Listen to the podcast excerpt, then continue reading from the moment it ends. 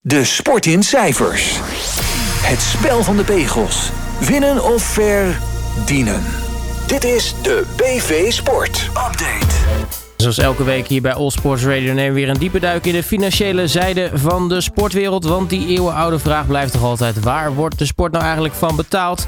Iemand die we toch eh, elke keer weer een, eh, een klein antwoord op die grote puzzel weet te leveren is de sportmarketeer Frank van der Walbaken. Frank, hele goedemiddag. Goedemiddag Robert. Laten we beginnen op uh, iets uh, waar jij op uh, wilde terugkomen. We hadden het pas geleden ook al over. Namelijk dat, dat, dat, dat dreigende alcoholverbod in sportkantines. Een soort van wel weer een beetje teruggedraaid, maar niet helemaal. Maar jij bent er eens even ingedoken qua cijfers. Ja, want ik ben nooit zo, zo echt vol vertrouwen als, de, als het wordt teruggedraaid. Kijk, het is een proefballon ongetwijfeld in Den Haag opgelaten. Dat betekent dat er behoorlijk vergevorderde plannen op tafel liggen.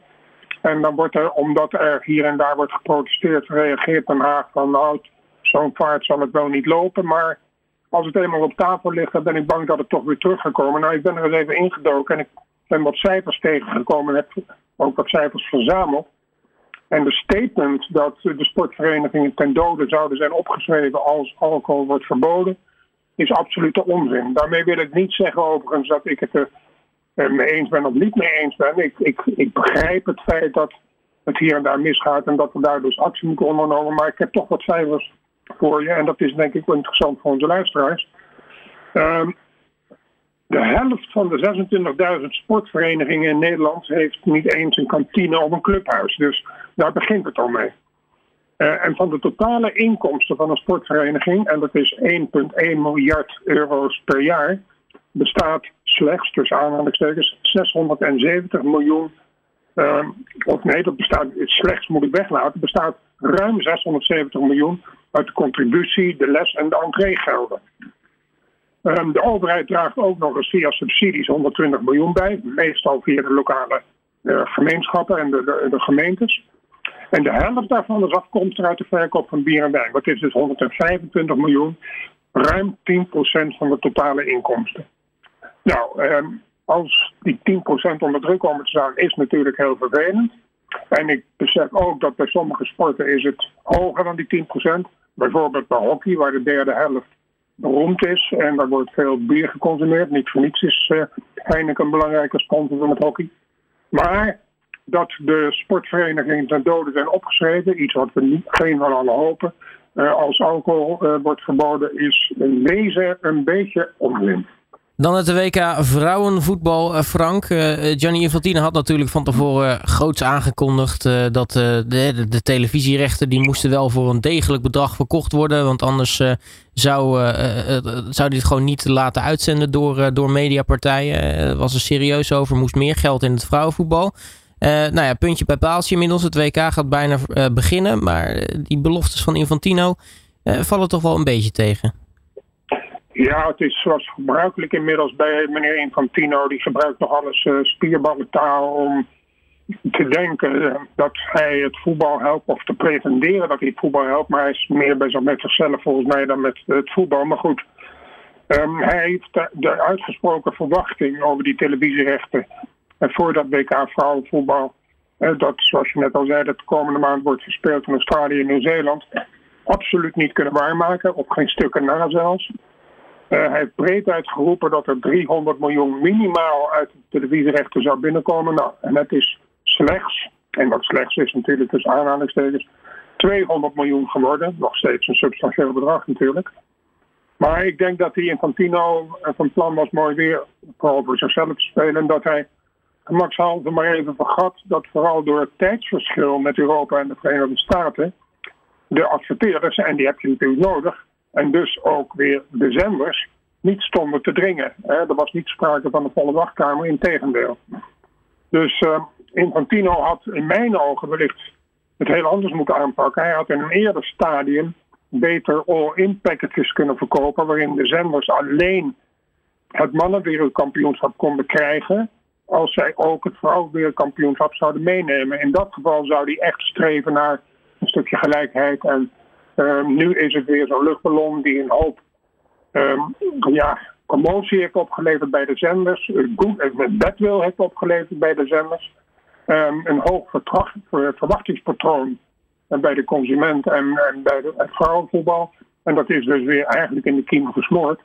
Dus uiteindelijk heeft hij meer schade gedaan dan goed gedaan, denk ik, voor het streven naar gelijkheid voor het vrouwenvoetbal en het mannenvoetbal. Dan uh, laten we zeggen, het kopje rechtszaken. De ene is wel hilarisch, de andere is eigenlijk best wel tragisch. Uh, laten we beginnen met degene die best wel tragisch is. Ik weet niet of je, nou ja, de mensen thuis nog weten. 2019 speler Emiliano Sala transfereerde van Nantes naar Cardiff. Maar helaas zou hij daar nooit aankomen. Hij uh, verdween met een vliegtuigje boven het uh, kanaal. En uh, nou, werd uiteindelijk teruggevonden. nou ja, natuurlijk ook overleden. Um, maar ja, die clubs, Nantes en Cardiff, zijn elkaar nog steeds een beetje. En misschien over, over het lijk van Salah, elkaar de tent aan het uitvechten over geldissues eigenlijk. Ja, het zou de boeken ingaan als een van de meest tragische hoofdstukken in de geschiedenis van voetbaltransfers. Het gaat inderdaad over het ongeluk van Salah, Emiliano Salah. Uh, in januari 2019 zou de Argentijnse-Italiaanse aanvaller, dubbele nationaliteit, eh, SC Nantes uit de Franse Premier League verruilen voor Cardiff City. Op dat moment nog hoog spelend in Engeland. maar op weg naar Cardiff kwam de 28-jarige speler om in een vliegtuigongeluk boven het kanaal. En dik vier jaar wordt nog, na dik vier jaar wordt nog altijd gestreden over die financiële oprichting van de transfer. Uh, ter waarde van 17 miljoen zouden worden betaald. Um, Cardiff heeft het land altijd verantwoordelijk gehouden voor het ongeluk. Met een door de zaakwaarnemer van uh, Sala uh, geregelde privé privéjet. Die werd gevlogen door een part-time piloot. Nou, ik kan me dat standpunt van Cardiff helemaal goed voorstellen. Uh, maar toen de Fransen de eerste betalingstermijn van 6 miljoen claimden, uh, werden ze in het gelijk gesteld door het sporttribunaal CAS. Nou, ik begrijp dat niet helemaal, maar wellicht ben ik niet volledig op de hoogte. De FIFA heeft Cardiff, dat is afgezakt naar de lagere regionen van de Championship intussen, opgedragen om nu ook de resterende 11 miljoen te betalen. Nou, ik vind dat best wel een merkwaardige ontwikkeling, want ja, de speler was op weg, weg naar de club door met transport dat geregeld was uh, door de zaakwaarnemer van de uh, speler. Uh, dus eigenlijk ook namens de verkopende partij. Maar desalniettemin wordt nu de kopende partij aansprakelijk gesteld. Maar goed, er is hoger beroep aangetekend. Dus dit kan nog een lange tijd duren. Maar ik vind het een vreemd proces. Ja, nou ja, dan uh, misschien een wat, wat grappigere rechtszaak. Uh, uh, de rechtszaak tussen Siert de Vos, ons allen wel bekend natuurlijk, voetbalcommentator. En Domagoj Vida. Um, en ik weet niet of ik zijn bijnaam mag noemen zonder zelf aangeklaagd te worden. Maar het was natuurlijk hè, de knipoog-Kroaat. En over die uitspraak is Vida nogal boos. Ja, ik vind het een leuk verhaal. Daarom wil ik het ook meenemen in deze podcast. Omdat we af en toe ook eens moeten lachen. Um, de 34-jarige Kroatische voetballer, Domago Vida, uh, die heeft onlangs een rechtszaak dus aangespannen tegen, zoals je net al zei, Ziggo Sport commentator Siert Vos. De aanleiding, aanleiding is een uitspraak op televisie tijdens Ajax Besiktas. Uh, de uitspraak was als volgt. Besiktas heeft ontheffing aangevraagd voor het meespelen van Vida. Die is namelijk zo lelijk Normaal gesproken mag hij op dit tijdstip niet spelen omdat er veel kinderen kijken. Al dus de Vos in zijn commentaar. Nou, Vida wilde dat de Vos uh, zijn uitspraken zou rectificeren en een boete van 5000 euro zou betalen. Nou ja, de commentator vond dat het onder vrijheid van meningsuiting viel. En hij kreeg gelijk van de rechter. Dus uh, de rechter oordeelde dat de Vos niet schuldig is. De rechtbank uh, die, lichtte dat nog toe. Die kwalificeert de uitlating als een misplaatste en smakeloze grap, maar dat het hier een grappige bedoelde opmerking betreft, die niet overigens grappig is, maar misplaatst en smakeloos, is echter voldoende duidelijk voor het publiek. Al dus de rechter. Nou, ik ben benieuwd of dit nog een staartje krijgt, maar ik vrees dat dit, of ik vrees, ik hoop voor alle partijen dat dit gewoon een stille dood sterft. Amerikaanse equity fondsen, Frank, zien we steeds vaker terug in de sport. Uh, nou ja, die slaan her en der toch wel weer eh, toe met wat nieuwe investeringen. Uh, equity fonds 777, die is weer op zoek naar iets nieuws om in te investeren. Ja, het is een fonds dat we al herhaaldelijk hebben genoemd. Um, de, het 777 Partners, het is zo dat Amerikaanse fonds is op zoek naar extra investeerders die ruim, liefst ruim 200 miljoen dollar moeten gaan bijdragen om hun huidige portfolio van voetbalclubs. En die bestaat op dit moment al uit Sevilla, Hertha Berlin, Genoa uit Italië, het Franse Red Star, Standaard Luik uit België en het Braziliaanse Vasco da Gama. Uh, om dat, uh, dat gezelschap en extra injecties te kunnen geven en, uh, en of het aantal clubs uit te breiden. Het is het zoveelste signaal overigens vanuit de private equity fondsen dat zij goede en financiële winstmogelijkheden zien in de investering in voetbal. Um, dat roept de vraag natuurlijk weer op, moeten we daar niet enige grenzen aan stellen? Want voordat het weet is het voetbal straks in handen van investeringsfondsen die maar één voor ogen hebben, is geld verdienen. Maar goed, dat even terzijde. Uh, er lopen overigens ook al onderhandelingen voordat die 200 miljoen überhaupt binnenkomt. Tussen dat 777 Partners en Melbourne Victoria, dus ook het Australische eiland. Uh, continent moet ik zeggen. Het is, het is weliswaar een eiland, maar ja, het is meer groter dan een eiland. En ook de Engelse Premier League club Everton zijn er al onderhandeling gaande. Twee andere, overigens, eh, recente voorbeelden van Amerikaanse private equity fondsen in voetbal. Uh, dat, die zijn helder, maar ik wil ze toch nog maar even herhalen. Het consortium onder leiding van de heer Todd Boehly dat Chelsea kocht voor, onder, voor nabij de 4 miljard dollar. En Redbird Capital, waar we het ook vaak over hebben, dat AC Milan recentelijk heeft gekocht. Dan FC Barcelona. Die hebben uh, groots aangekondigd een record te hebben gebroken als het gaat om het aantrekken van sponsors. Ja, uh, de, de, club Barça maakte deze week bekend dat de club in het seizoen 2022, 2023, dus het afgelopen seizoen, een recordbedrag aan nieuwe sponsoring heeft uh, binnengeharkt. Namelijk 97,6 miljoen euro's. Het bedrag is voor een belangrijk deel te danken aan een aanzienlijke verhoging van het Spotify. Spotify hoofdsponsor en shirtsponsor. Dat bedrijf, dat Zweedse bedrijf, dat betaalt al 75 miljoen euro. Maar die hebben nog een extra verhoging eh, van een additionele 400 miljoen. Eh, een deal die ze gesloten hebben voor een 12-jarige overeenkomst voor naamskoppeling aan het Camp Nou stadion. Nou, jij weet intussen, Robert en de luisteraars neem ik aan ook dat ik kan tegen dat soort deals zijn. Niet dat ik de club niet gun, in tegendeel. Maar ik, vind, ik begrijp Spotify niet, want er zal geen mens zijn, laat staan de media, maar ook de, de fans zeker niet, die uh, straks het Spotify nou kamp gaat uh, roepen. Of, of nou kamp Spotify. Het blijft kamp nou. Het is vergelijkbaar met als je uh, een sponsor zou verbinden aan de Kuip. Dat werkt niet. Het werkt alleen als er een nieuw stadion wordt gebouwd en dat nog geen naam heeft die gevestigd is bij de fans. Ik, ik, ik, roep nog maar eens even in herinnering. Eneco was jarenlang uh, sponsor van Sparta en die hadden in een deal ook meegenomen, slechte adviseur dus, um, dat het kasteel zou Eneco Stadion moeten gaan heten. Nou, dat hebben ze een jaar lang geprobeerd, heel krampachtig. Nou, er was geen hond die het overnam. Het bleef en terecht het kasteel. Dus Eneco heeft dat onderdeel van de sponsorkant toen ook onmiddellijk teruggedraaid.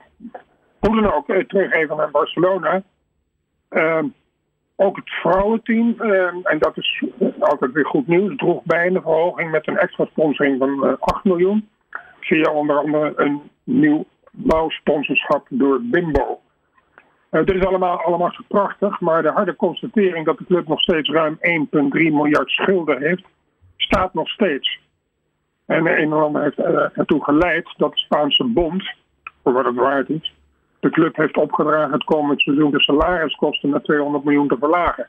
Nou, waarom zeg ik waarom dat, wat, wat dat waard is? Want uh, we weten allemaal dat er slimme trucs zijn te bedenken om uh, spelersalaris geheel of gedeeltelijk te zetten op sponsorinkomsten. Want een sponsor kan een, een deal maken met een speler dat de speler ambassadeur gaat worden of reclame gaat maken voor het bedrijf.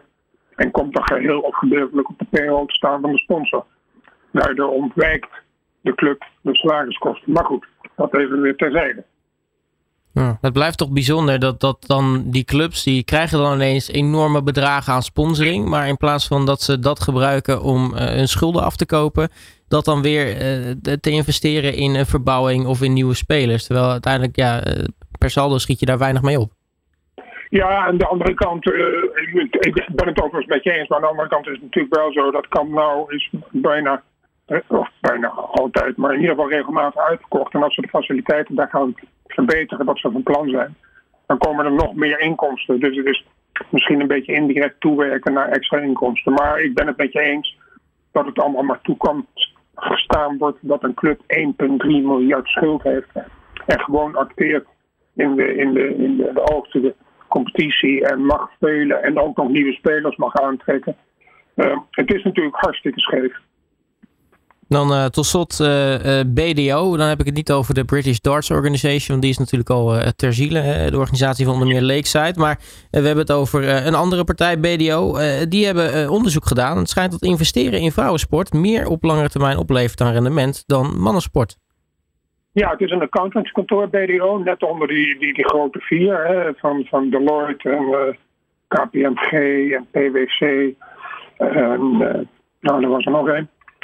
Um, maar BDO is een accountantskantoor en we hebben een recente studie gemaakt. En uh, dat, die studie laat zien dat het investeren in, vrouwensport een beter vooruitzicht biedt dan het investeren in mannensport.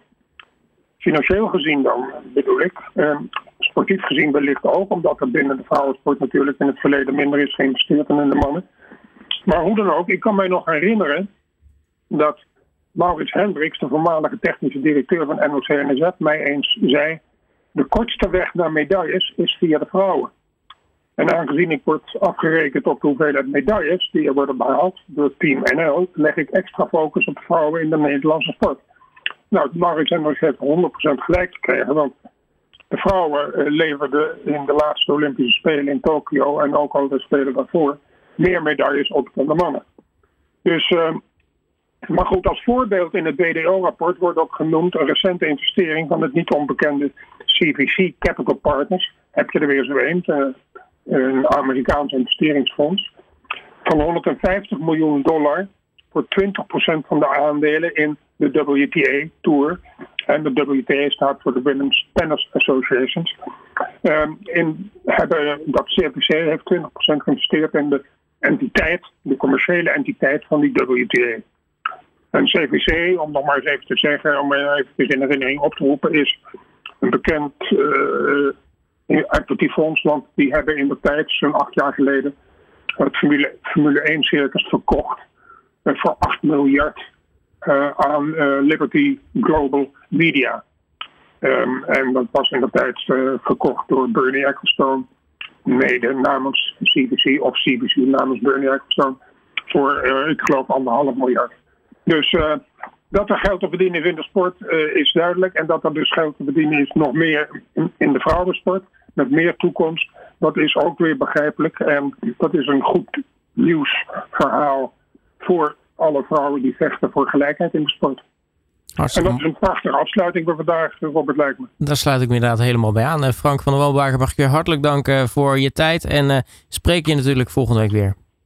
Tot volgende week, Robert. Alle sporten van binnenuit. All Sport Radio.